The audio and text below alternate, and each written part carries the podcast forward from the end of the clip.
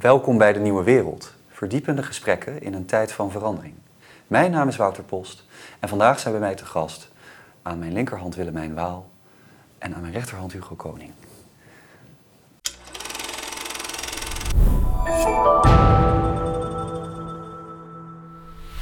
Hugo, Willemijn, dank dat jullie aan dit gesprek deel willen nemen. Ik zou het gesprek willen introduceren aan de hand van een anekdote die betrekking heeft tot mijn vorige weekend aan de Bosporus in Istanbul. Ik was daar met twee goede vrienden. Een van hen doet een postdoc in Istanbul in de archeologie. En wij liepen langs de randen van de Bosporus en namen een boot en wij staken die Bosporus over. En ik bedacht me toen opeens, de Bosporus is niet altijd geweest. De Bosporus is op een gegeven moment ontstaan. En ik geloof dat één van ons daar de meeste kennis van heeft. Ik denk dat Willemijn dat is. Uh, zou, zou, kun jij misschien iets vertellen over de, de beginnen? Ja, nou dat inderdaad, de Zwartzee was oorspronkelijk ooit een binnenzee inderdaad. En op een gegeven moment is die, uh, is die doorgebroken. Mm -hmm. En er is wat discussie over wanneer dat precies is uh, geweest en ook wat voor een proces dat zou zijn. Er is uh, ja, een jaar of twintig geleden is er een, een, ja, een hypothese gelanceerd dat dat rond 5600 voor Christus gebeurd zou zijn. En dat dat nogal een, een, ja, een heftige doorbraak geweest zou zijn. Echt, en dat, dat dat mogelijk dan ook de inspiratie zou zijn geweest voor het zondvloedverhaal dat we, dat we bijvoorbeeld vinden in de Bijbel en ook in heel veel andere bronnen. Maar er zijn ook uh, geologen die zeggen nee, dat is eigenlijk een veel geleidelijker proces. Dus er is wat discussie over in hoeverre er nou echt een, ja, een Black Sea deluge was eigenlijk. Hè? Dat het ja. een hele heftige breuk was of meer een heel gradueel proces. En daar, voor zover ik weet, is de jury daar nog niet helemaal over uit. Uh. Nee, precies. En dat heeft dus vooral inderdaad heel veel aandacht gekregen, omdat dat dan ja, eventueel die historische zondvloed zou, uh, zou zijn. Ja. ja, dus de historische zondvloed. Dat is ook het concept wat ik vandaag eigenlijk wat uit zou willen diepen met jullie. Uh, jullie zijn beide enigszins gespecialiseerd, denk ik, in de mythologische overleveringen van twee verschillende gebieden in tijd en ruimte. In Hugo's geval betreft dat volgens mij vooral de Griekse oudheid, of ja, ik wel heb. klopt. En in Willemijns geval uh, Hethitisch Anatolië. Ja, en misschien klopt, ook wel wat gebieden daaromheen, dacht ik. Ja, een beetje, een beetje Mesopotamië ook, ja. Uh, ik, ik wilde eigenlijk duiden in het kader van een Netflix-serie die wij bij de Nieuwe Wereld een aantal maanden geleden hebben besproken, namelijk Ancient Apocalypse, waarin Graham Hancock, een socioloog aan de Universiteit van Durham, uh, een aantal hypotheses uh, postuleert, of duidingen of ideeën, over uh, de periode rond het Epipaleolithicum, dat is rond 9600 voor Christus, waarin er een zondvloed zou zijn geweest. En Hancock heeft het niet over een zondvloed, maar meerdere zondvloeden over de hele wereld. Uh, wat wij dus vandaag gaan proberen te doen, is ons te focussen op hoe die uh, fenomenen zich uiten rond het Zwarte Zeegebied, misschien in de Gese Zee, ook in het Mediterrane gebied. Uh, dat Mediterrane gebied wordt aan de westelijke zijde begrensd met de zogenaamde pilaren van Hercules. En degene die daar volgens mij als eerste iets over geschreven heeft, was Plato, naar ik meen. Of zijn er al mensen daarvoor geweest? Nou, het is, um, als je dus hebt over het zondvloedverhaal of een zondvloedverhaal mm -hmm. in Griekse uh, mythologie, dan zitten we inderdaad uh, bij Plato wel redelijk vroeg. Mm -hmm. um, we weten wel dat uh, net iets eerder een dichter die Pindarus heet, een verwijzing doet naar die, um, naar die zondvloedmythe. Ja. Um, en mogelijk gaat het nog wat verder terug.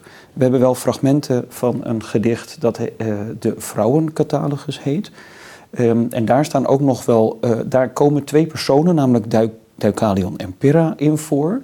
Uh, en die worden ook in verband gebracht, in ieder geval later weer, met de zondvloed, omdat zij dan samen de enige twee overlevenden zouden zijn van die zondvloed.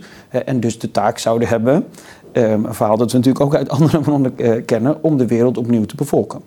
Ja. Um, en ja, als, als het zo is dat we inderdaad die twee vinden met een zondvloed in Hesiodus, of een werk dat aan Hesiodus wordt toegeschreven, dan zitten we ongeveer 700 voor. En dan zou dat echt onze eerste bron zijn voor een um, Griekse zondvloedmythe. Ja, dus de eerste zondvloedmythe uit Griekse context rond 700 voor Christus. Ik meen me te herinneren dat Genesis uit de 6e of 5e eeuw zou stammen volgens huidige Ideeën? Ja, volgens mij is er ook veel discussie over, Ja. maar eh, Ja. ja. dat, eh, ja. En zijn er ook andere ideeën daarover, dat jullie weten? Of dat Genesis misschien wat vroeger nog gesitueerd kan worden? Ik weet dat niet. Nou, Nee, er zijn natuurlijk ja, verschillende bronnen. Hè? En sommige van die bronnen worden volgens mij wel ietsje eerder ge- Ja. geplaatst. Maar Ja. ja, laten we het veilig houden. toch? Natuurlijk, Ja. ja, dat is wijs. Ja. Ja. Eh, we hebben wel volgens mij overleveringen uit Mesopotamische kleitabletten, Ja, begreep ik. dat klopt. Ja. En die zijn eh, ja, de oudste bronnen die we hebben. En even kort misschien ter inleiding, want ik ga het dan hebben over spijkerschriftliteratuur. En dat is eigenlijk een beetje een, eh, ehm, ja, nogal een heel breed begrip. Want het spijkerschrift dat is ongelooflijk lang in gebruik geweest. We hebben de eerste teksten van het eind vierde millennium en de laatste in de eerste eeuw na Christus. Dus het is een hele periode van meer dan 3000 jaar. En het was een schrift dat ook heel, ja, heel populair was en een heel groot gebied werd gebruikt. Dus in Mesopotamië, dus Iran, Irak, maar ook Syrië, de Levant en, eh, en Anatolië. En het werd ook gebruikt voor verschillende talen en verschillende culturen. Dus we hebben een heel divers eh, corpus. En een aantal kleitabletten inderdaad, die hebben ook eh, versies van het zondvloedverhaal. En we hebben daar ook verschillende versies in. We hebben ook de, de namen van de, de, zeg maar de overleveraars die, eh, die verschillen. Maar over het algemeen kun je wel zeggen dat het een heel stabiel verhaal is. Ja, Ja. precies. En dat is een verhaal wat ook heel erg lijkt op het verhaal in de zondvloed van eh, Genesis. Ja. Ja. Is dat op de een of andere manier met die Griekse mythe te verenigen? Nou, dat is, de, ehm, dat is, er zijn natuurlijk wel overeenkomsten inderdaad. Dus als je puur gaat kijken naar inhoud, dan lijkt het heel erg op elkaar. Ja. Eh, het is heel erg moeilijk, maar dat geldt voor een heleboel van dat soort eh, eh, verhalen. Om echt te bewijzen dat bijvoorbeeld het ene verhaal het andere heeft beïnvloed. Of dat een Griek die daar voor het eerst over begon, dat die dan eh, dat had gehoord omdat hij toevallig eh, eens een keertje in Ionië was geweest en daar had, had gehoord of wat ook. Dat is ontzettend moeilijk te bewijzen. Eh, maar er zijn sterke overeenkomsten. Ehm, eh, zodat je zou kunnen zeggen, oké, misschien is het geleend. Aan de andere kant is zo'n zondvloedverhaal natuurlijk ook wel een verhaal... waarvan je zou kunnen voorstellen dat dat op meerdere plaatsen ter wereld gewoon spontaan ontstaat. Omdat er natuurlijk nog wel eens overstromingen zijn. Ja. Ehm, Ja. Overal ter wereld. Dus ehm, je hoeft niet per se eh, aan te nemen dat er tussen al die verhalen een link moet zitten. Nee, precies. Ja, precies. En we vinden ze natuurlijk ook over de hele wereld Ja, precies. die Ja. zondvloedverhalen. Maar het is soms natuurlijk wel interessant, nou, wat, Hugo zegt, het is heel moeilijk om dat te pinpointen, maar je kunt wel, eh, als, het, als je echt ook specifieke overeenkomsten hebt, dan lijkt het, wordt het wel waarschijnlijker dat je met hetzelfde verhaal te maken hebt. En dat is zeker bijvoorbeeld met het, het Mesopotamische zondvloedverhaal, wat ik het maar even gemakshalve zo noem.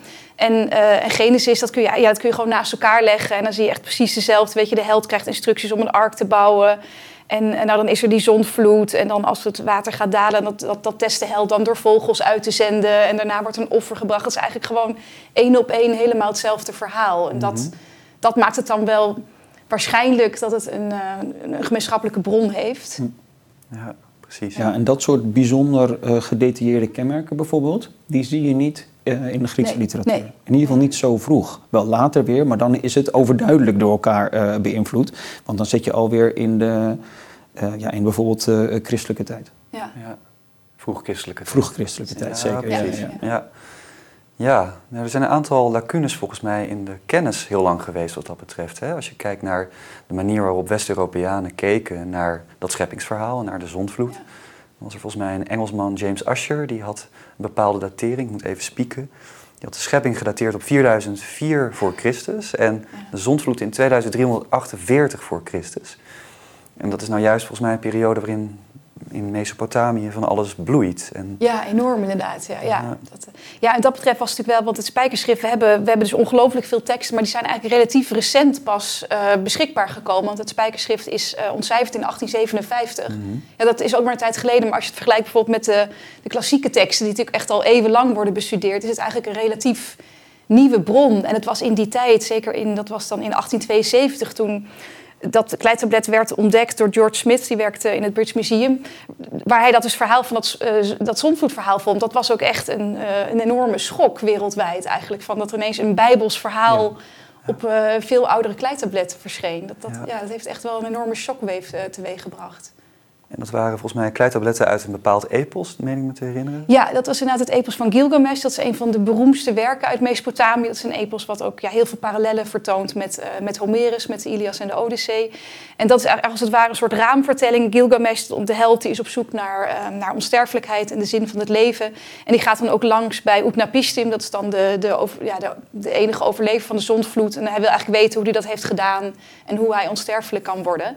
En dan vertelt Utnapishtim eigenlijk in een raamvertelling vertelt hij dat, dat hele verhaal van de zondvloed. Maar wij, wij kennen dat dus ook op andere kleitabletten. Het was heel duidelijk dat in dat, in dat epos zeg maar, een, een al bestaand verhaal werd uh, geïncorporeerd. Ja. ja. Dus dat hebben we in die context. Uh, dan focussen we ons volgens mij op Akkad en dat soort staten in de misschien derde millennium voor Christus. Zoiets. Ja, daar, dus. Vroeg, we hebben inderdaad ook al een Sumerisch uh, mm, zondvloedverhaal. En wat, wat, ook heel interessant is, we hebben dus die, die verhalen, en dus ook een, een, aantal, en ook op verschillende plekken gevonden, in verschillende perioden. Dus het was duidelijk, was het ook een, een populair verhaal. Mm -hmm. En we hebben uit 2100 hebben we ook een, uh, een koningslijst over, ingeschreven in het Sumerisch. En Sumerisch was zeg maar de oudste taal die werd gebruikt voor het, uh, voor het spijkerschrift. En dat tablet is heel bijzonder. Dat is eigenlijk een lijst dat geeft een soort geschiedenis van het koningschap vanaf het begin der, der tijden. Hmm. En ja, het is eigenlijk een opsomming van alle koningen. In het begin, nou, die worden ze echt absurd uh, oud. Uh, regeren is echt 30.000 jaar of zelfs uh, langer. Hmm. En dan is een hele lijst een opsomming van namen. En dan, dat is ook de enige gebeurtenis die wordt vermeld. Dan wordt gezegd, en toen, toen was er de zondvloed. En dan is het echt een scheiding. En dan na de zondvloed. En dan krijg je weer een lijst koningen. En dan zie je al dat die... Nou, in het begin worden ze nog steeds vrij oud, maar het wordt steeds realistischer. En op een gegeven moment ja, komen we echt in de historische tijd uh, terecht. Ja. En dat is wel interessant, als die zondvloed werd echt het was echt een markering van voor en na de zondvloed. En ook in andere verhalen wordt er wel naar verwezen van, van kennis van voor de zondvloed. Dus het was wel echt een, wel iets wat wel ja, niet alleen maar los verhaal was, maar wat we echt vaker terug, uh, terugvinden. En dat is denk ik minder het geval in de Griekse literatuur, hè? of nee, niet? Zoiets, kennen, nee. we, uh, zoiets nee. uh, kennen we in de Griekse literatuur niet. En zoiets ouds ook sowieso niet. Hè? Want je hebt het over echt wel uh, bepaalde lijsten met, ja. van een veel hogere ouderdom dan, waar, dan die wij hebben. Ja. En bij ons begint het natuurlijk allemaal gewoon met Homerus en met Hesiodus. Ja. Dat zijn onze vroegste literaire bronnen. Um, en dan spreek je dus over 8e eeuw voor Christus met teksten die misschien dus teruggaan tot de 12e eeuw. Precies, teksten, ja. hè, dus uh, orale uh, overleveringen, die teruggaan tot misschien 12e eeuw. Ja. En is er wel een bepaald soort idee van een gouden hoofd en dan leme voeten, zoals dat in veel Bijbelse tradities volgens mij verteld wordt. Dus dat er een glorieuze voortijd zou zijn geweest en een minder nou, daar, uh, ja. daar horen we dus wel uh, in, de, in die oudste literatuur die we van de Grieken hebben over. Mm -hmm. Dus de, die Hesiodus, waar ik het net al ook eventjes over had, die heeft um, naast misschien die vrouwencatalogus ook nog de Theogonie en de Werken en Dagen geschreven. En in dat tweede geschrift, waarin hij eigenlijk aan de mensen uitlegt hoe je zou moeten leven, um, vertelt hij dus ook over uh, verschillende geslachten of verschillende tijdperken. Het hangt er een beetje vanaf uh, hoe je het vertaalt. En dan begint het inderdaad met een gouden tijd. Dus mm -hmm. uh, die, die term die wij natuurlijk ook wel kennen van de gouden tijd van, nou ja, maakt verder niet uit van wat. wat. Ja. ja. maar hier gaat het dan wel echt over de mensheid. Um, en die degenereert dan over de generaties of over de geslachten of tijdperken heen. Dus we gaan dan van goud naar zilver naar brons. Ja. Dan is er bij Hesiod dus nog een opleving uh, in die hmm. tijd van de helden. Oh ja. Waarvan hij natuurlijk ook wel dacht, um, dat was vlak voor onze tijd. Dus die moet ik er wel bij hebben, die, uh, die helden. En dan komt het ijzeren geslacht, uh, waar wij dus nu in zitten. Ja. Maar hoe die overgangen precies gaan... Um, dit is een mythe die heel goed bestudeerd is in, um, in nou ja, die uh, Hesiod-forschung, zou ik maar even zeggen. Ja. Um, en dat is eigenlijk nog steeds hot topic, omdat um, het is een mythe die er ja, die redelijk los beschreven staat, redelijk losjes ook. En je kunt daar heel veel vragen op, uh, uh, op afvuren die de tekst ook niet per se kan beantwoorden. En hoe dus die verschillende geslachten in elkaar overgaan en waarom het ene verdwijnt en het andere dan weer komt, het wordt niet altijd heel expliciet gemaakt. Um, dus uh, we weten bijvoorbeeld wel van het zilveren geslacht dat ze verwijderd zijn van de aarde door Zeus omdat ze onrechtvaardig waren. Nou ja, dan hebben we best een aardige parallel met uh, het uitroeien van de mensheid, zeg maar, in bepaalde andere literatuur. Maar bij andere uh, geslachten weten we het niet zo heel goed. Ja. Ja. En, en dit verhaal heeft volgens mij dan ook nog wel weer een parallel met Plato, nietwaar? Dus in Critias heb je, of in Timaeus heb je in Critias heb je de Nephilim. Critias is een volgens mij van de drie dialogen. Misschien kan je daar nader iets over vertellen? Die uh, Plato zou schrijven. Volgens mij heeft hij twee van die drie dialogen uiteindelijk afgeschreven. Ja, klopt. En, nou, en, en dan heb je dus ook nog dat hele boeiende verhaal uh, um, over Atlantis. Ja. Wat echt een soort van uitgebreide vertelling is, dat dan opeens stopt. Ja. Um, en dan, dan is er eerst een tamelijk uitgebreide beschrijving van um, de stad Atlantis en hoe het was ingericht en wat voor dieren er allemaal op het eiland woonden en uh, allemaal van dat soort dingen. Um, en dan eigenlijk in het allerlaatste stukje zegt Zeus dan dus, ja, nu zijn de mensen helemaal uh, corrupt geworden en, en gedegenereerd. Uh, laten we er snel een eind aan maken. Of tenminste, hij neemt een aanloopje om dat te gaan zeggen. Mm -hmm. en dan staat er dus Zeus, zij, en dan stopt het. Oh. Um, dus we weten niet hoe dat er verder uh, afloopt. Maar het is wel dus ook daar heel duidelijk dat er sprake is van een bepaalde morele terugval. Ja. dus die eerste koningen en de eerste generaties in Atlantis, uh, die stonden nog heel dicht bij hun goddelijke uh, scheppers. Ja. en langzamerhand kruipt er dan steeds meer menselijkheid in. Zo schrijft Plato dat ook. ze worden steeds menselijker en dan heeft hij het dus over. Um, ja, eigenlijk gaat het dan over machtswellust uh, en over um, hebberigheid en dat soort uh, zonden. Ja.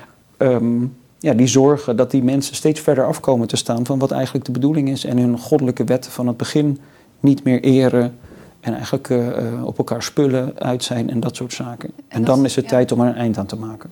Dat is natuurlijk wel een mooi parallel met, met, met het Genesis-verhaal uit de Bijbel natuurlijk. Hè. Dat is natuurlijk ook de zondigheid van de mens. Die, ja. uh, en dat is wel interessant, want dat aspect dat, dat lijkt helemaal te ontbreken eigenlijk in de spijkerschriftbronnen die we hebben. Oh. Want daar wordt, uh, we hebben één vrij, zeg maar de meest uitgebreide versie die we hebben, die begint ook met de, de schepping van de mens. Er wordt ook heel duidelijk, er zijn eerst alleen goden en wel verschillende generaties. En er zijn de, je hebt dan de Igigi-goden die moeten werken voor de, de andere goden op het land. En die moeten kanalen graven en dat is allemaal veel en veel te zwaar. En die komen dan uh, in opstand. Dat, dat, wordt wel interessant ook echt als een soort revolte beschreven. Dat ze hun wapens in, in brand steken en dan het huis van, uh, omsingelen van de koning van de goden van de aarde. Ja. En dan ja, is er wat paniek bij de goden. En dan, uh, dan is er ook wel begrip. En dat vooral Ea, dat is de god van de wijsheid, die zegt ook ja, maar het is ook waar. Ze werken ook veel te hard en dat horen en zien we eigenlijk ook al de hele tijd. En dan wordt besloten, nou laten we dan de mensheid scheppen om het werk van de goden over te nemen. dat wordt heel expliciet zo gezegd. En dat gaat dan een tijdje goed, maar die mensen, nou, die vermenigvuldigen zich. Ze worden trouwens geschapen van klei en bloed van één god en een beetje spuug. Dat is de, mm. de magische mix. Dat is de ja, precies. Waar, ja. En dan... Uh, en dat is eigenlijk wel, wel, grappig. Dat is dan uh, de, de, de, de, de goden, vooral, vooral één god, die, de god van de aarde, die heeft eigenlijk gewoon vooral last dat, de, dat mensen te talrijk worden en te veel lawaai maken. En dat hij Hmm. er niet van kan slapen. Het is, nou, we hadden al eerder over, net een beetje naar de boze bovenbuurman. Ja. Die, uh, Ja. die, ja, maar het is echt, het wordt niks over zondigheid, maar gewoon, ze zijn gewoon te lawaaiig. Hij heeft er last van, hij wil slapen. En, eh, Wees stil, Dat- is eigenlijk het moraal van het verhaal. Ja, Ja. een beetje Ja. stil doen inderdaad. Ja. En dan is het ook trouwens, dat doet hij eerst, zendt hij ook nog een, ehm, een epidemie en, dat, dat, Mhm. en een hongersnood. En dan op een gegeven moment ziet, is, is er echt klaar mee. En dan is het idee dat die zondvloed dan echt het finale einde moet zijn van de, van de mensheid. En dan is er dus één god weer, die god van de wijsheid Ea, die waarschuwt dus één persoon ehm, indirect. Want hij heeft moeten beloven dat hij eh, de mensen niet zal waarschuwen. En dat doet hij dan door eh, eigenlijk de, de- zijn boodschap te richten tot de, de rieten, het rieten hek waarachter dan de held staat. Dus dan Hmm. indirect... dat betreft was het natuurlijk in Genesis wat makkelijker. Het was natuurlijk een, maar één god die, hoeft, die kon eh, Noach gewoon direct waarschuwen. Die had Ja. natuurlijk geen last van, eh, Ja. van andere goden die zijn plannen konden dwarsbomen. Ja, Ja. precies. Ja, maar wat je in Genesis bijvoorbeeld dus ook ziet, maar ook heel sterk in die Griekse mythe over die gouden tijd die dan eh, ten einde komt, is dat ehm, er is dus eh, die gouden tijd die wordt dan gekenmer- gekenmerkt door wat die Grieken bios automatos noemen. Dat- Dus dat, het- dus dat is gewoon dat alles wat je nodig hebt om in leven te blijven, komt gewoon vanzelf uit de aarde. Dus Mhm. je hoeft niet te ploegen, je hoeft niet te werken, je hoeft niet die rotkanalen te gaan. Ja. eh, Paradijs. graven. En, en allemaal van dat soort, eh, eh, van Ja. dat soort dingen. En eh, ja, die eh, tijd is echt voor goed afgesloten voor, eh, voor ons door de goden. Ehm, net zoals natuurlijk Adam en Eva dan uiteindelijk Eden moeten verlaten. Ja. En dat God ook zegt, ja, nu moet je dus werken voor Ja. je brood. Ja, ja. Ehm, en komt het allemaal niet meer eh, vanzelf. Ja, en dat is dus helaas waar we tegenwoordig ook mee zitten. mee zitten. Ja, daar Tot zitten we Jane dus. John Maynard Keynes, die dan weer de 15-eurige werkweek eh, voor de hele wereldbevolking eh, in pacht had. Ja, Dat dacht tot, hij in tot het 1920. zover is. Ja, precies. Ja. Ehm, Ook niet gelukt, vrees ik. Dus, maar dat komt misschien nog. Laten we het hopen. Ja. Er, er is ook wel een soort van concrete eh, eh, symboliek en figuratieve kunst volgens mij in Mesopotamië, toch? Die met dit soort thema's speelt. Dus als je bijvoorbeeld kijkt naar de bibliotheek in Nineveh... Ja, je kijkt gelijk naar... kijk gelijk naar de ja. vis. Ja. Eh, misschien, misschien weet jij daar meer van, Willemijn, hoe dat... Nou, we hebben net de, in, Ja. in, in Mesopotamische teksten komen de zogeheten apkallus voor. Dat zijn de wijzen. En dat Mhm. zijn, die worden soms wel beschreven als eh, dat ze de vorm hebben half van een mens en half van een vis. En daar hebben we inderdaad ook afbeeldingen van beeldjes. Maar een soort, ja, een soort met, met een vissenstaart en een, eh, wel, wel het gezicht van een, van een mens. Soms ook wel nog met een gezicht van een vis eroverheen eigenlijk. Nou, je kunt ook, vissen kunnen natuurlijk ook behoorlijk de, de, leng- de, de lengte hebben van mensen. Dus, Ja. eh, en dat zijn, inderdaad de, de- dat zijn er zeven. En dat zijn de, de wijzen. Wordt ook wel gezegd dat dat degenen zijn die, ja, die de, bijvoorbeeld het schrift naar de mensheid hebben gebracht. En, eh, en wetten, et cetera. Eigenlijk beschaving, eh, kort gezegd, inderdaad. Ja. En die hebben inderdaad die vorm van half vis en half mens. Er was dus volgens mij een grote bibliotheek in Nineveh, als ik me niet vergis, nog groter dan die van Alexandrië. In, nou, whatever, dat maakt is niet hier wel zoveel meer uit. van over. Dat, eh, Ja, Oké, wrijf het maar een beetje in, inderdaad. ja, ja, ja, precies. Ja. Nou, dat is natuurlijk wel eigenlijk natuurlijk heel met, met, met, dit, met dit alles. Hè? Dat we hebben natuurlijk onze bronnen, jij zei het al, die- dat de bronnen in Griekenland natuurlijk pas veel later beginnen, heeft ook alles te maken met het materiaal. Hè? Dat klei Mhm. is natuurlijk zo'n fantastisch bestendig materiaal, wat ook alleen maar sterker wordt door brand. En die meeste van die paleizen, of inderdaad zo'n bibliotheek van Assurbanipal, die werd eh, ja, kwam meestal door, door vuur of andere ellende om het, ja, ten einde. En dat is juist daarom heel mooi gebakken en bewaard gebleven. En dat, Ja, terwijl papyri daar eh, Ja. een stuk minder goed ja, tegen kunnen. behalve dan in Egypte, maar die hebben natuurlijk weer een heel extreem droog en gunstig klimaat wat Ja. dat betreft. Ja. Ja. Assurbanipal, dat is in de 8e eeuw voor Christus, geloof ik. En dan spreken we volgens mij ook over dezelfde tijd als de tijd van Hesiodos, Ja. nietwaar? Ja. Dus, Ja. Ja. Dus dan zie je toch dat die, in die periode veel gegenereerd lijkt te worden. Ja, en we weten niet zo heel goed hoe oud dat spul is waar Hesiodus mee aan de slag gaat. Of hoe lang dat al bijvoorbeeld oraal circuleerde voordat hij het een Mhm. keertje dan zeg maar eh, in dichtvorm ving. Ja. Ehm, en er zijn ook wel aanwijzingen inderdaad dat eh, bepaalde verhalen die Hesiodus opschrijft, hè, dat die wel grote overeenkomsten vertonen ook met dan het oosten of met Mesopotamië. Ehm, zoals die mythe van de vijf geslachten, eh, waar ik het net even over had. Maar ook eh, die, überhaupt natuurlijk die opvolgingsmythe die hij in de Theogonie eh, beschrijft. En met die drietrapsraket. Eerst heb je een hemelgod en die wordt dan vervolgens door een ander opgevolgd. Maar dan is het pas de derde die de definitieve heerschappij vestigt. Zeus dan, hè, volgens de Griekse mythologie natuurlijk. Maar dan komt er nog een grote uitdager. Typhoeus heet hij dan bij de Grieken. Ehm, die dan echt nog eventjes eh, die hegemonie van Zeus test Ja. en met, een, met een aanval. En als dan Zeus erin slaagt om die Typhoeus eigenhandig eh, nou ja, uit te schakelen, ehm, ja, heeft hij bewezen dat hij de oppergod eh, mag zijn nou ja, tot, tot nu eigenlijk. Want ja, Ja. hij is nog steeds niet van de troon gestoten. Nee. Nee. Nee. Nou ja, door, door, door misschien God, zoals de christenen hem noemen. Oké, fair enough. Ja. Ja. En daarna weer Nietzsche misschien, maar goed. eh, Wel mensen die daar weer kritiek op hebben. Oké. Maar, dat, Ja. maar dat verhaal wat jij beschrijft, Hugo, dat vinden we inderdaad ook op, eh, op kleitabletten uit, eh, dan uit Gatoucha, dat is de hoofdstad van het Hethitische Ah. Rijk in Anatolië. En dat is inderdaad ook weer, dat kun je echt heel mooi één op één naast elkaar leggen. En daar heb je ook wel overeenkomst in details, dat je denk ik, ik weet niet of jij het er ook mee eens bent, maar dat je toch wel kan zeggen, het is wel hetzelfde verhaal in oorsprong. Eh, natuurlijk ook, zijn natuurlijk ook zeker verschillen, maar Ja, het is altijd Ja. moeilijk als je dingen Ja. gaat vergelijken. Ehm, maar ik denk dat ook helemaal de communis opinio is, dat dat verhaal waar jij het over hebt, dat die eh Ulikumi, eh, Ja. dat Ulikumi-verhaal, ja, dat, dat eh, lijkt nou ja, echt op verschillende punten, misschien wel 14, 15 eh, eh, punten, zowel op hoofdlijnen als details, op, dat, eh, op de ja. theogonie Naamsniveau zelfs ook inderdaad, ja precies. Ja, ja. Dat, En dat Ulikumi moet kunnen we vergelijken met welke godheid? Ja, nou, ik zou meer zeggen, je hebt, je hebt, eigenlijk, je hebt ook nou het verhaal van Ulikumi, maar je hebt ook Kumarbi, Ja, zeg maar een beetje de. Kronos-figuur. En dan heb je Ah, de stormgod, is dan Ja. Zeus. En Ja. verder, Ja. het is eigenlijk precies zoals jij... eh, en je hebt dan Uranus, hè, dat, is natuurlijk, daar heb je, Ah. dat is dan Anu, en dat betekent ook allebei hemel. Er zijn Ja. heel, maar het is, het, het is volgens, volgens mij in beide gevallen ook zo dat uiteindelijk de een de ene god de andere god, Ja. godheid castreert, toch? Door zijn Ja. genitaliën af te bijten en dan zeker. ook zwanger raakt van... eh, willen we voor de kijker wil ik ook nog even duidelijk maken Ja. dat we een, in die drietrapsraket in de eerste plaats Uranus hebben, Ja. vervolgens Kronos en dan als laatste volgens mij Zeus. thuis, Ja, ja. klopt. Ja. Eh, en ik weet niet hoe Prome- Prometheus daar dan weer in past, maar dat... eh, Ja, Prometheus is een hele lastige figuur. Ja. En, en wat, je natuurlijk, wat je natuurlijk hebt sowieso is in Griekse mythologie in ieder geval, is dat er heel vaak verschillende mythen zijn die echt wel een soort vanzelfde thematiek hebben. Maar als je dan gaat proberen om ze in elkaar te schuiven en denkt van, oh, hoe, hoe passen die verhalen dan bijvoorbeeld chronologisch of wat dan ook eh, in elkaar, dat is echt onbegonnen werk. Dat gaat Ja. gewoon niet, want dat materiaal weerstaat een dergelijke logische benadering. Dus Ja. je kunt dan beter zeggen, oké, bijvoorbeeld de mythe van de vijf geslachten. ja. Eh, en het verhaal over Prometheus en Pandora en zo. Ja. Ja. dat zijn gewoon verhalen die allemaal een beetje dezelfde boodschap aan ons willen vertellen. eh, maar op andere manieren. Ja. Ehm, en het is ook niet de bedoeling van de, bijvoorbeeld Hesiodus om daar één groot geheel eh, eh, van te maken. Hij vertelt die verhalen ook omdat hij een bepaalde centrale boodschap heeft. En kan dat op verschillende mythische en bijvoorbeeld in de werkende dagen ook met allerlei praktische voorbeelden en verhalen. Ja. ehm, kan hij ons een beetje in de juiste richting duwen.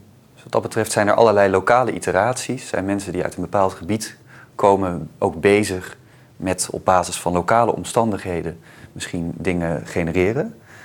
Ehm, Plato die is volgens mij een van de eerste, als ik dat zo goed gelezen heb, die expliciet misschien ook die Griekse wereld samenbindt door de verschillende figuren in die dialogen uit verschillende gebieden te laten komen. Is dat niet een idee wat ergens op slaat? Nou, dat weet, ik weet het niet per se, maar het is natuurlijk wel zo dat er allerlei eh, verschillende soorten personages in, die, eh, in die dialogen optreden. eh, die inderdaad allemaal verschillende achtergronden hebben. Meestal is de hoofdpersoon natuurlijk wel Socrates, hè, dus die dialogen hebben wel een sterke soort van Atheense basis. Maar dat geldt, niet voor alle, dat geldt helemaal niet voor alle eh, ehm, dialogen. Ehm, en wat wel zo is, is dat er, voor zover ik een beetje natuurlijk in die eh, platonistiek eh, zit, dat er wel een soort van beweging gaande is in de Plato-wetenschappen van een vroeger standpunt dat Socrates de spreekbuis is van Plato. Eh, en wat Socrates zegt, dat is eigenlijk wat Plato had willen zeggen. Ehm, en als we dus dialogen bekijken waar eh, Socrates dan een rol in speelt, dan moeten we dus naar Socrates luisteren, die alle andere eh, eh, personages bijvoorbeeld weerlegt of aanvalt of, of, wat dan ook. Is er, wel, er is dus wel een beweging die zegt, ja, maar ehm, eigenlijk hebben we de dialoog als geheel. Eh, en ehm, het gaat Plato om de dialectiek.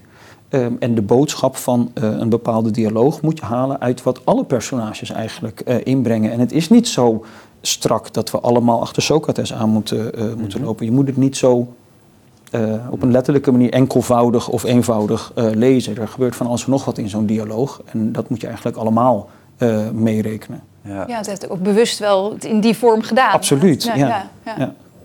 Dus je hebt niet te maken met een bepaalde filosofische of eh, didactische of pedagogische of wiskundige of mythologische eh, aard van het verhaal, maar eigenlijk wordt alles daarin gemixt. Ja, nou je, je zou in ieder geval wel kunnen zeggen dat de verschillende benaderingswijzen allemaal ehm, eh, ja, gebruikt kunnen worden door één of meerdere auteurs om een bepaalde boodschap eh, over te brengen. En we zien dat bijvoorbeeld Plato ehm, ook dus heel graag eh, zowel, nou, voornamelijk natuurlijk, de filosofische dialectische methode toepast in zijn, in zijn werken. Maar soms ook denkt, hè, laat ik eens een mythe gebruiken.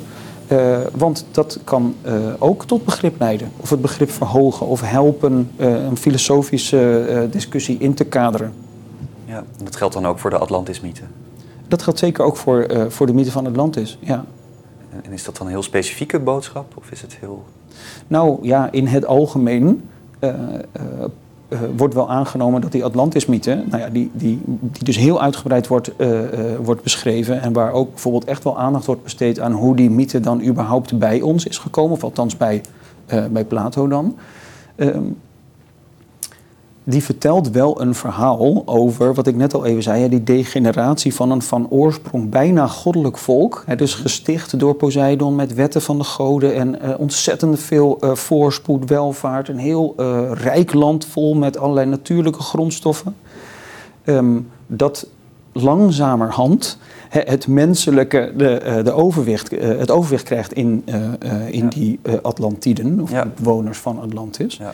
Ehm, en, en dat past natuurlijk heel goed in Plato's eh, eh, filosofie. Van dat je aan de ene kant dat goddelijke hebt en aan de andere kant dat menselijke. En dat wij dus zo moeten oppassen, ook in onszelf, hè, met onze goddelijke ziel en ons eh, menselijke lichaam. hè, dat we vooral blijven strijden voor dat goddelijke. Ja. Omdat we anders ja, te veel op ons lichaam en, en de zintuigen die daarbij horen enzovoort.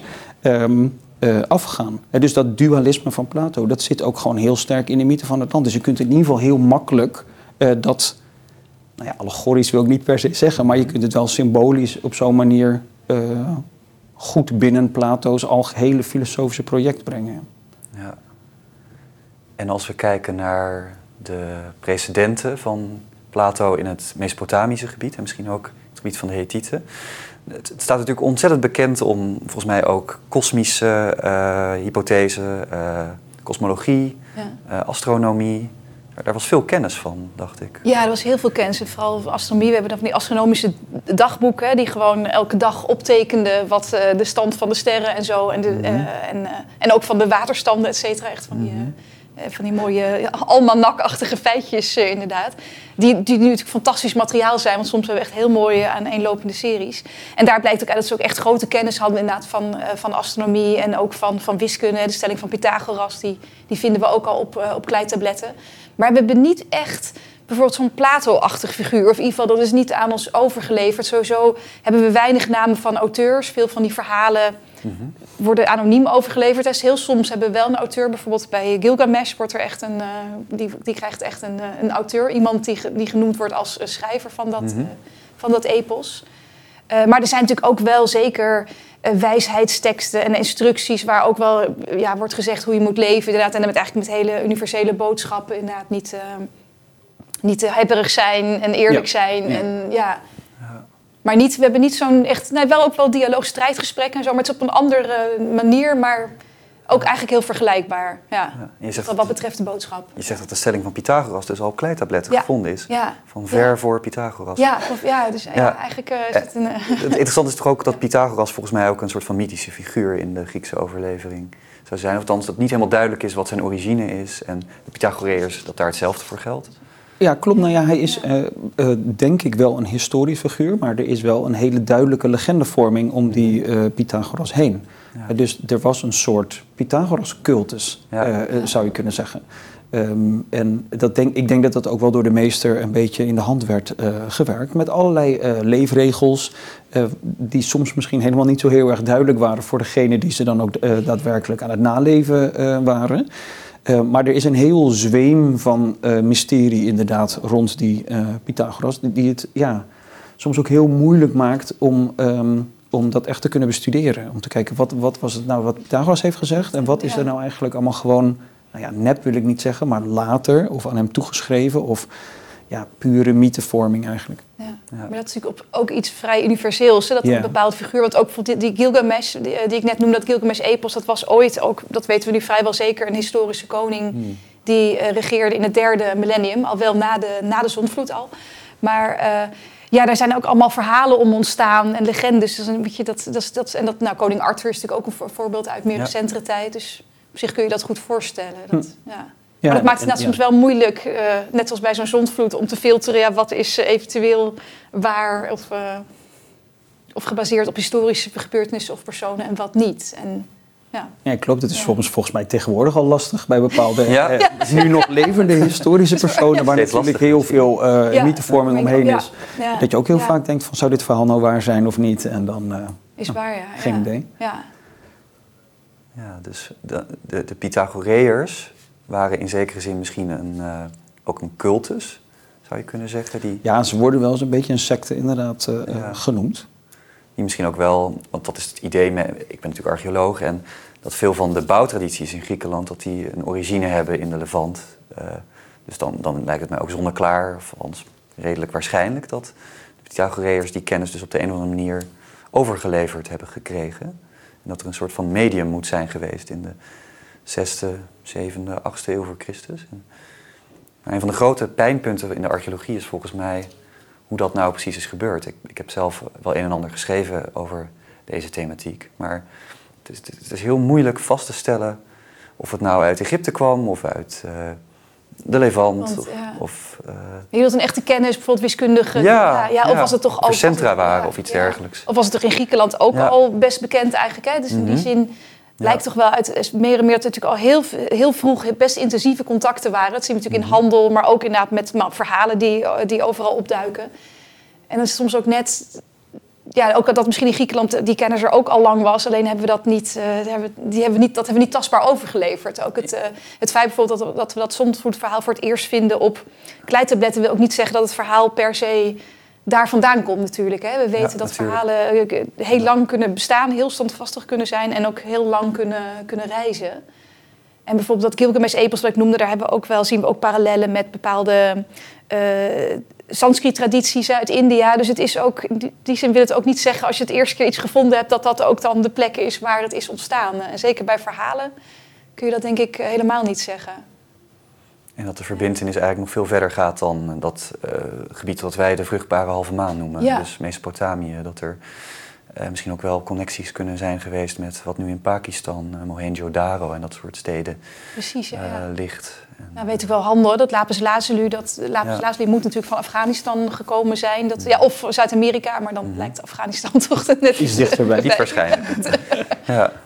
En via Atlantis Ja. misschien, toch? Dan kan het prima. Ja. De Atlantis Highway. Ja, Eh, precies. de eh, hub, global hub. Ja. Nee, niet een nieuw Silk Road. Dus ja, ik weet niet of we daar verder bewijs voor hebben. Iets van een, eh, ja, behalve dat lapis lazuli natuurlijk. Ja. Volgens mij is er in Atlantis was er ook een specifiek gesteente. Wat, Ja, Orichalcum heet dat dan. ja. Dat was dat, tenminste volgens Plato dan, eh, Mhm. die, die het eerst Ja. over Atlantis eh, schrijft. Eh, en die noemt dit metaal als het, als het mooiste metaal. En wat ook, denk ik, eh, als een betaalmiddel kon worden eh, gebruikt. Mhm. Maar ja, veel weten we daar ook niet van. Dus dan sta je in een soort van alchemische traditie bijna. En, en, het begin van het muntgeld en dat, dat soort dat gedachten over omsmelten en dergelijke. dat als het ware in, in Plato naar boven hebben gehaald. Dat transformaties centraal staan heel erg in deze tijd. Eh, muntgeld is volgens mij geïntroduceerd in die zevende of zesde eeuw voor Christus. Ja, toch? zevende eeuw wordt meestal Ja, gezegd dat inderdaad. Ja. Dus het is- Maar, je hebt natuurlijk ook, maar je hebt natuurlijk al heel veel voorlopers daarvan. Dat Mhm. natuurlijk zilver als betaalmiddel werd gebruikt. Ja. En er natuurlijk ook al vaste, vaste eenheidsmaten en gewichten Ja. waren. En zo. Dus het is natuurlijk zo net een beetje hoe je geld definieert. Toch? Of je echt munten, Ja. dat het echt moet zijn. Dat moet een munt Ja. zijn met een, eh, met een Ja. waarde erop. En een, Ja. ja. Ja, in een voorgesprek afgelopen woensdag hebben we ons eigenlijk heel erg gefocust op een ander thema, namelijk dat in dit soort eh mythen waar we het over hebben, dat, dat eh, dieren een zeer spe- specifieke rol spelen. Dus we hadden het volgens mij ook over een rog bij het Great Barrier Reef. Ik weet niet wie, een van jullie kwam daarmee. Dat, Ja, je hebt dat volgens mij toen ingebracht van een rog dat een stuk van het land kwam opeten, toch? Ja, dat klopt. Ah, ja. ja. dat is inderdaad, dat zijn, nou, dat is, we inderdaad over met, met orale tradities. En die zijn natuurlijk heel moeilijk grijpbaar. En vaak Mhm. wordt er een beetje wordt het afgedaan als folklore. Maar dat het toch Ja. steeds meer blijkt dat, dat orale tradities eh, sowieso ontzettend lang terug kunnen gaan. En soms ook best toch wel enige kern van waarheid in zich kunnen hebben. En een heel mooi voorbeeld vinden we dus in Australië. Waar je dus bij een aantal clans van de, de aboriginals, de oorspronkelijke bewoners van Australië, wordt beschreven hoe, ja, hoe hun land kleiner wordt. Dat de zee stijgt en eh, nou, dat het, het land van de kangoeroes verdwijnt. En dat er eilandjes komen en zo. En dat de manier waarop ze dat beschrijven, het is natuurlijk wel inderdaad in mythische teksten, met, ook met dieren die, die een rol spelen. Maar het is eigenlijk een heel mooi, het past heel mooi op wat er geografisch gebeurt in die periode. Ja, na de laatste ijstijd weten we dat in totaal de, de zee zo'n 100, de zeespiegel zo'n 120 meter is gestegen.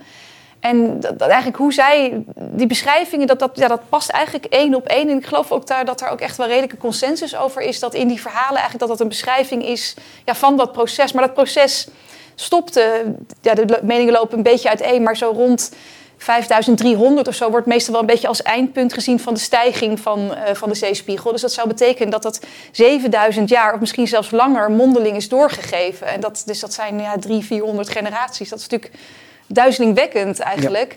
Maar in, het, is wel, het, het was ook een, het waren verhalen, maar die waren wel ook echt onderdeel van, van rituele context. Ook met dans en zo. En waar ook duidelijk echt wel een, een een mythische betekenis aan werd gegeven. Dus dat, dat, ja, dat maakt het ook waarschijnlijker dat het dan langer bewaard blijft. Maar dat is natuurlijk wel, en je hebt ook een voorbeeld uit ehm, eh, Oregon, geloof ik, in Amerika. Je zo'n ehm, Mount Mazama is dat, geloof ik. Die, Dat is zo'n vulkaanuitbarsting die we dateren op 7700. En die ook echt dus in orale tradities van die Native Americans wordt, uh, wordt beschreven. Dus, dus we hebben wel voorbeelden. Wel, je moet altijd nog steeds heel erg oppassen. Maar je hebt toch soms wel interessante voorbeelden dat je denkt van... hé, hey, dit, maar dat wil natuurlijk niet zeggen dat meteen alle mythes waar zijn. En het is ook niet dat... Uh, er zitten natuurlijk ook altijd weer aanvullingen en veranderingen in. Ik zie jou ook... Uh, nee, dat is helemaal waar. Dus er zijn wel uh, van dat soort verhalen... Nou, je noemde ja. net al een paar waarvan je zou kunnen zeggen... oh jee, dat zou dan best wel eens heel ver terug, terug kunnen gaan. Ja. Um, ja. Als we inderdaad die in mythe beschreven gebeurtenissen weer één op één kunnen, uh, uh, kunnen leggen op bepaalde historische gebeurtenissen. Maar wat je zegt is helemaal waar. Dus als, als een verhaal meer is dan alleen maar een verhaal. Ja. En dus als het omkleed is met bepaalde rituelen, waardoor het veel sterker wordt, hè, waardoor Ja. het veel, veel meer kans heeft om zo lang doorgegeven te worden, zodat het echt zeg maar identiteitsbepalend is voor een bepaalde stam Ja. of een bepaald volk of zo. ehm, dan is dat in theorie denk ik wel mogelijk. Ja, ja. Ja, of natuurlijk echt iets zoals die, vulkaanuitbarsting die in Oregon, dat was ook wel een heel heftige explosie. Kun je ook wel voorstellen dat dat ook wel iets is, zo'n gebeurtenis die, eh, die zo'n impact heeft, dat dat Absoluut. ook wel eh, nou, daarom wordt doorgegeven. En, Ja. eh, volgens mij was het vorige week stond nog in de krant dat ze ook nu, dat is dan iets recenter, maar zo'n dat er in traditie in Kenia en Tanzania is, dat was altijd het verhaal dat dan rond duizend, wel na Christus, dus maar eh, duizend jaar geleden, dat eh, lokale vrouwen dan trouwden met Perzische prinsen. En dus nu door DNA-onderzoek blijkt inderdaad dat je rond die periode, rond duizend, ineens een enorme influx ziet van ja, Zuid, eh, Zuidwest-Azië, Aziatische eh, DNA. Dus dat Ja. is ook weer zo'n, eh, terwijl heel lang dan werd gedaan van, oh, dat is natuurlijk gewoon maar een, eh, Een verhaal. een verhaaltje Onzin. inderdaad. Ja, ja. Ja. Ja. Ja. ja. dus Graham Hancock is wel degelijk op een zeker spoor met dit soort... dat weten we niet, hè? Het is, het, het, het is, het is Nou, heel... ja, ik heb het niet, eh, niet, niet, niet, alles gekeken, gezien, maar Nee. volgens mij slaat hij natuurlijk behoorlijk ver eh, Ja. door, toch? ja, dat, Is, dat is wel mijn Ja. theorie, inderdaad. Ehm, maar tegelijkertijd moet je daarin open blijven. eh, als archeoloog of als wetenschapper, denk ik. Ja. En dit soort dingen zeggen toch wel weer andere dingen. Dus ehm, in die zin wil ik me eigenlijk misschien nog even focussen op Mesopotamië. Mhm.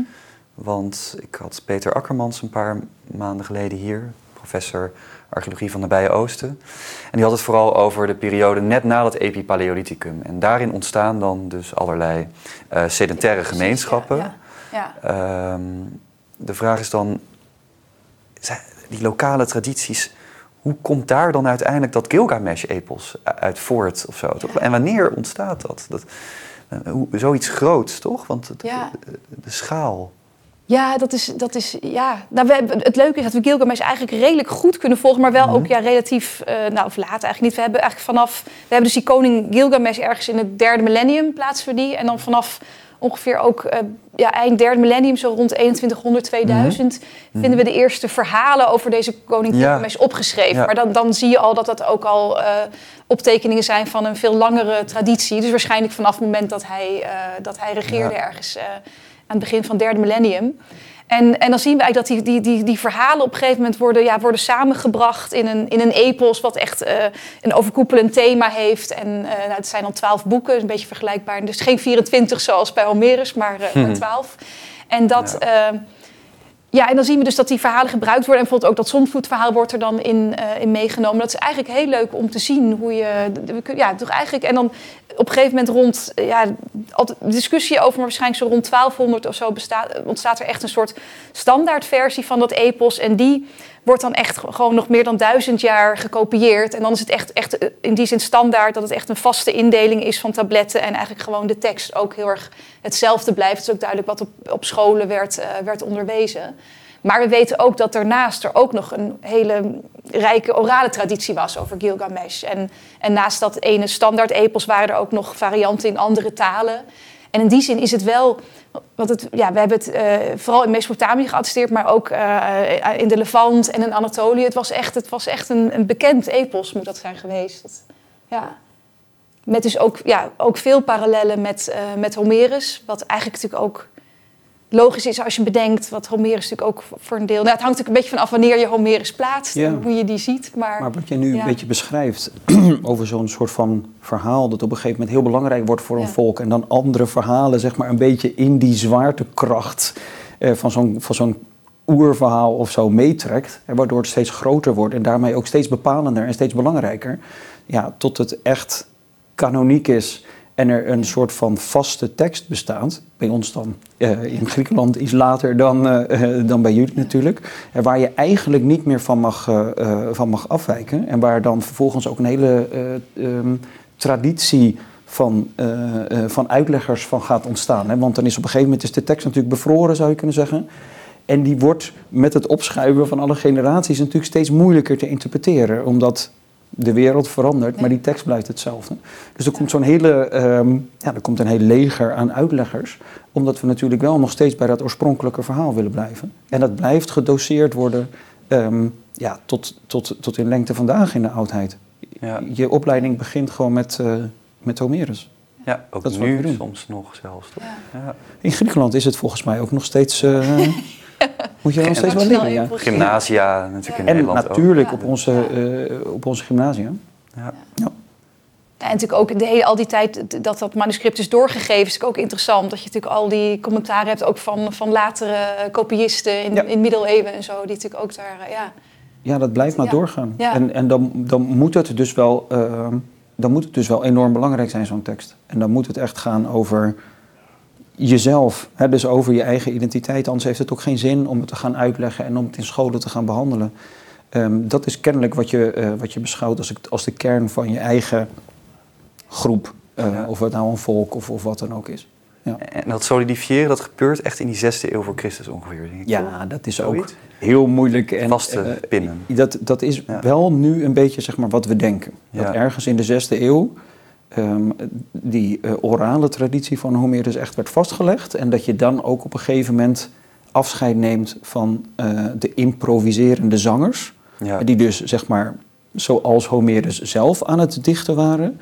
Tot ehm, opzeggers eh, Ja. van een vaststaande eh, voordrachtskunstenaars van een vaststaande tekst. Maar dat is nog steeds ook heel erg omstreden. Maar je zou wel zo'n beetje kunnen zeggen: oké, het zal wel in de zesde eeuw gebeuren, maar in welke. Ja, er zijn allemaal wel theorieën over in wat voor eh, eh, situatie, wat voor context dat is gebeurd. Maar dat is allemaal ook weer omstreden. Ja. En Homerus, die was eigenlijk een figuur die eh, voor ons niet helemaal te begrijpen is. Toch in de zin van dat we weten niet wie hij was. Dat is zo. Nee, Ja. Hij is uit de dus- lucht komen ja. vallen. Hij is echt Ja. uit de lucht komen vallen. Eh, en volgens mij had jij het laatste gesprek met eh Ad Verbrugge over jullie nieuwe boek over Plato. In com- met Ben van den Berg. Ja, met Bert van den Berg. Bert van den Ja. Berg, precies. Eh, en aan het einde van het gesprek hadden jullie het erover, meen ik me te herinneren, dat eh, de mythologische component in Homerische vertellingen eigenlijk nogal op de achtergrond eh, zweemt. Dat het niet zo'n. Dus dat, dat, dat, dat, dat spookachtige figuren of demonen, dat dat niet zo centraal Nee, dat is er zeker wel in Homerus minder, Ja. eh, zou je kunnen zeggen. Hmm. Ehm, maar wat natuurlijk eh, Homerus ons vertelt, hè, die Ilias en de Odyssee, Mhm. dat is wel echt eh, mythisch materiaal. En Ja. het zou helemaal kunnen, ehm, zoals Willemijn natuurlijk ook altijd vertelde, er is misschien echt wel iets echts. Ja. hè, er is een oorspronkelijke echte koning Gilgamesh en die geeft aanleiding tot legendevorming en dat wordt steeds Ja. verder uitgebouwd, steeds verder uitgebreid. Ehm, en dat kan bij eh, Homerus net zo goed het geval zijn, dat er echt een Trojaanse oorlog was. Ja. Ehm, Waar en natuurlijk ook wel aanwijzingen waar voor zijn. zeker gewoon allemaal precies, bewijzen ja. eh, voor Ja. zijn. Dus, dus ja, de site is er. Twijfelen we Zij- niet Dus- meer ja, de, de Hethitische teksten die, die Ja. noemen het. Ja, nee, precies. Het- Ja. ja. En dan, ehm, en, da- maar goed, dan, dan komen er verhalen waarin bijvoorbeeld eh, de goden regelmatig ingrijpen. Ja. Zeg maar even iets. Hè. En, en mensen ook bijvoorbeeld afstammelingen zijn van, van goden en zo. Waardoor je zegt, ja, dat is wel echt mythisch Ja, spul. ja. Dat is nou eigenlijk wel interessant van het Gilgamesh-epos. Dat wordt soms ook wel het eerste humanistisch eh, document genoemd. Eigenlijk. Dat, het, dat daar de goden zijn er uiteraard ook wel, maar eigenlijk, eigenlijk een relatief kleine rol spelen. Het gaat echt om, om Gilgamesh en eigenlijk ook om, eh, ja, om, om sterfelijkheid. En vooral mensen, wat het eigenlijk betekent om mens te zijn en de beperkingen. En dat zou ik ook wel willen zeggen, natuurlijk ook bij Homerus. Dat het uiteindelijk de, de helden wel centraal staan. Het Die gaat treden wel op de voorgrond. Ja, precies. Absoluut. Dus, eh, ja. Maar zij handelen natuurlijk wel in overeenstemming met wat er Ja. op de Olympus, hè, waar de goden precies, eh, dat, wonen, ja, eh, ja. beslist wordt. Ja, Nee, maar het is zeker zo dat zij de hoofdrol eh, Ja. spelen. ja. Ehm, maar dat ingrijpen van de goden wordt natuurlijk wel als gewoon totaal matter of fact Precies, ja, gemeld. Hè, zij, ik bedoel, zij zijn ook gewoon personages in die, eh, in die vertellingen. ja. Ja. En dat is in Plato's Critias minder. Je hebt die Nephilim toch? Die, die reuze mensen die... Nou, dus die komen in Plato ook wel voor als, Ja. die, ehm, als die ze eh, mythen vertelt. Ja, Ehm, maar het zijn natuurlijk wat meer filosofische mythen en soms ook wat Ja. abstracter. Ja. Ehm, en hij werkt bijvoorbeeld ook graag met dat concept van de daimon, en van de demon. Dat heeft bij ons nu een hele negatieve connotatie, maar dat zou ik gewoon een godheid kunnen noemen. Ehm, die in Homerus heel erg onbepaald is. We weten eigenlijk niet zo goed wat dat is. Dat is gewoon een soort god, maar we noemen hem niet. Eh, en die krijgt bij Plato een veel ja, concretere rol eigenlijk als een soort van, nou ja, wij hebben het dan maar een beetje beschermgeest eh, genoemd. Die wordt veel persoonlijker. Eh, en allerlei verschillende mensen hebben dan ook hun eigen daimon bijvoorbeeld, die voor ze, die voor ze zorgt en een beetje achter ze aanloopt. Net zoals Socrates zelf natuurlijk ook zei, als we Plato mogen geloven, dat hij een kleine daimon had eh, in zich, een daimonion. Ehm, ja, dat alleen maar hem van het doen van bepaalde zaken weerhield. Dus alleen maar af en toe dan soms nee zei. Nee. En, dan, eh, eh, en dan moet Socrates het maar niet doen. ja, precies. Ja, een soort van, waarvan mensen tegenwoordig wel zeggen... oh, dat is nou wel misschien het eerste eh, geweten... ehm, dat als zodanig wordt beschreven in de literatuur. Stemmetje binnen in Stemmetje jezelf. in je hoofd, hè, ja. Ja. ja. Ik zou ook nog even naar Ja. dat thema van Uranus willen gaan. En de periode waarin Uranus eh, dan volgens mij aangevallen wordt door Kronos, dan wordt hij ontmand, geloof ik, toch? Zo is het. Dat, Ja. eh, en dat, dat, dat kent dus ook weer een traditie die heel ver Ja, teruggaat, ja, begreep ik. ja. van Nou, dat jou. vinden we dus ook inderdaad in Ja. dat, het verhaal van eh Kumarbi uit wat we kennen uit Hethitische bronnen, ook spijkerschriftbronnen. En de 13e eeuw, maar dat lijkt er ook, dat is overigens ook duidelijk een, een ouder verhaal. En wat ook Mhm. heel duidelijk inv- invloeden heeft uit, eh, uit Mesopotamië.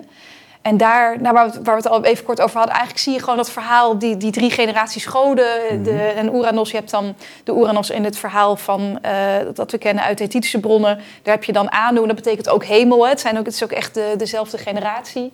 En die worden inderdaad ont, eh, ja, door echt door de, de genitaliën. In het Hethitische verhaal is het zo dat dan probeert de, de god omhoog te, te, te weg te vluchten. En dan wordt hij bij de benen gepakt. En dan kan hij nog net mooi zijn, eh, zijn genitaliën afhakken. Ik weet niet of het ook zo wordt, precies zo wordt beschreven. Hoe die, Nee, die maar we- in... eh, Nee, dat is, Nee. het is eh, wel ook redelijk beeldend. Maar daar Ja. hebben we te maken met, eh, ja, met natuurlijk toch echt weer een beetje een ander verhaal. Waarbij helemaal aan het begin van de, van de wereld, dus aan het begin van de kosmos, heb je die twee super grote instanties. Hè? Aan de ene kant de, de aarde en aan de andere kant de hemel. Dus Gaia en Uranus. En die liggen op elkaar. Ehm, eh, op zo'n manier dat er dus de hele tijd ook goden worden eh, verwekt. Maar ze kunnen niet worden geboren, omdat Uranus nog steeds bovenop Gaia ligt. En dat wordt voor Gaia een totaal onhoudbare situatie. En dan creëert ze een sikkel eh, die ze aan een van haar kinderen geeft. Ehm, hoe, de- hoe je dit allemaal moet voorstellen is natuurlijk ook heel ingewikkeld, maar dat maakt helemaal niet uit, want het is een mythe. Ja. Eh, en dan wordt dus uiteindelijk eh, wordt dan de penis van Uranus afgeslagen ja. met zo'n sikkel. Ja. En Kronos is dus degene die dat doet. Hè. Dat is die zoon die dan dus de volgende, ja, de, de volgende generatie eh, van, van goden inleidt eigenlijk. En dan de oppergod wordt na Uranus. En wat wel interessant is, is dat het echt zo wordt beschreven alsof... eh, nou ja, goed, de sikkel is natuurlijk een, eh, eh, een, werktuig dat op het land wordt gebruikt. En ehm, dat hij dan vervolgens dus ook die genitaliën van, van Uranus zo achter zich weggooit... alsof hij een soort oogster was. Oh ja, ja. Ehm, ehm, ja, tegenwoordig, of nee, denken wel heel, heel veel... en we hebben ook heel veel afbeeldingen daarvan... dat die tijd van Kronos die dan komt... dat dat eigenlijk ook dus de tijd was van de landbouw. Ja. Eh, en dat die Kronos ehm, ja, de landbouw introduceerde. Eh, en dat daarom misschien ook wel van de gouden tijd wordt gezegd dat dat de tijd van Kronos was. Ja. Ehm, de tijd van de ongekende ehm, overvloed Ah, ja. eigenlijk. Ja.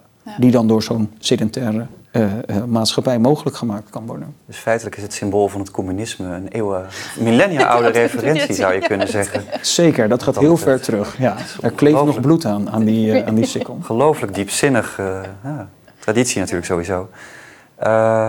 ja. Ik zou daar nog even één opmerking bij willen plaatsen misschien, wat betreft die sikkel. Uh, waar kunnen we dat nou verder uh, aan relateren? Want je zou kunnen zeggen dat het ook iets met vadermoord te maken heeft of iets dergelijks, toch? Of een bepaald verband tussen verschillende generaties.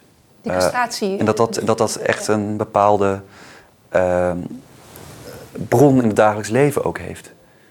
Nou ja, wat, wat wel natuurlijk heel erg zo geldt voor die, die opvolgingsmythe, die je dus ook uh, aan, aan de overkant ziet, um, is dat dat natuurlijk een soort weerslag is van een dynastieke uh, worsteling. Ja. En de oude koning die uh, gaat dood of verliest aan kracht of wat dan ook. En die ja. moet dan eigenlijk een beetje worden verslagen door de zoon die dan opnieuw op de troon kan gaan zitten. Dus veel mensen zeggen wel dat die overeenkomsten, naast dat, het, dat er in dit geval dan echt wel specifieke ja, precies, uh, overeenkomsten zijn, ja. dat dat ook wel heel algemeen is ja. in patriarchale samenlevingen.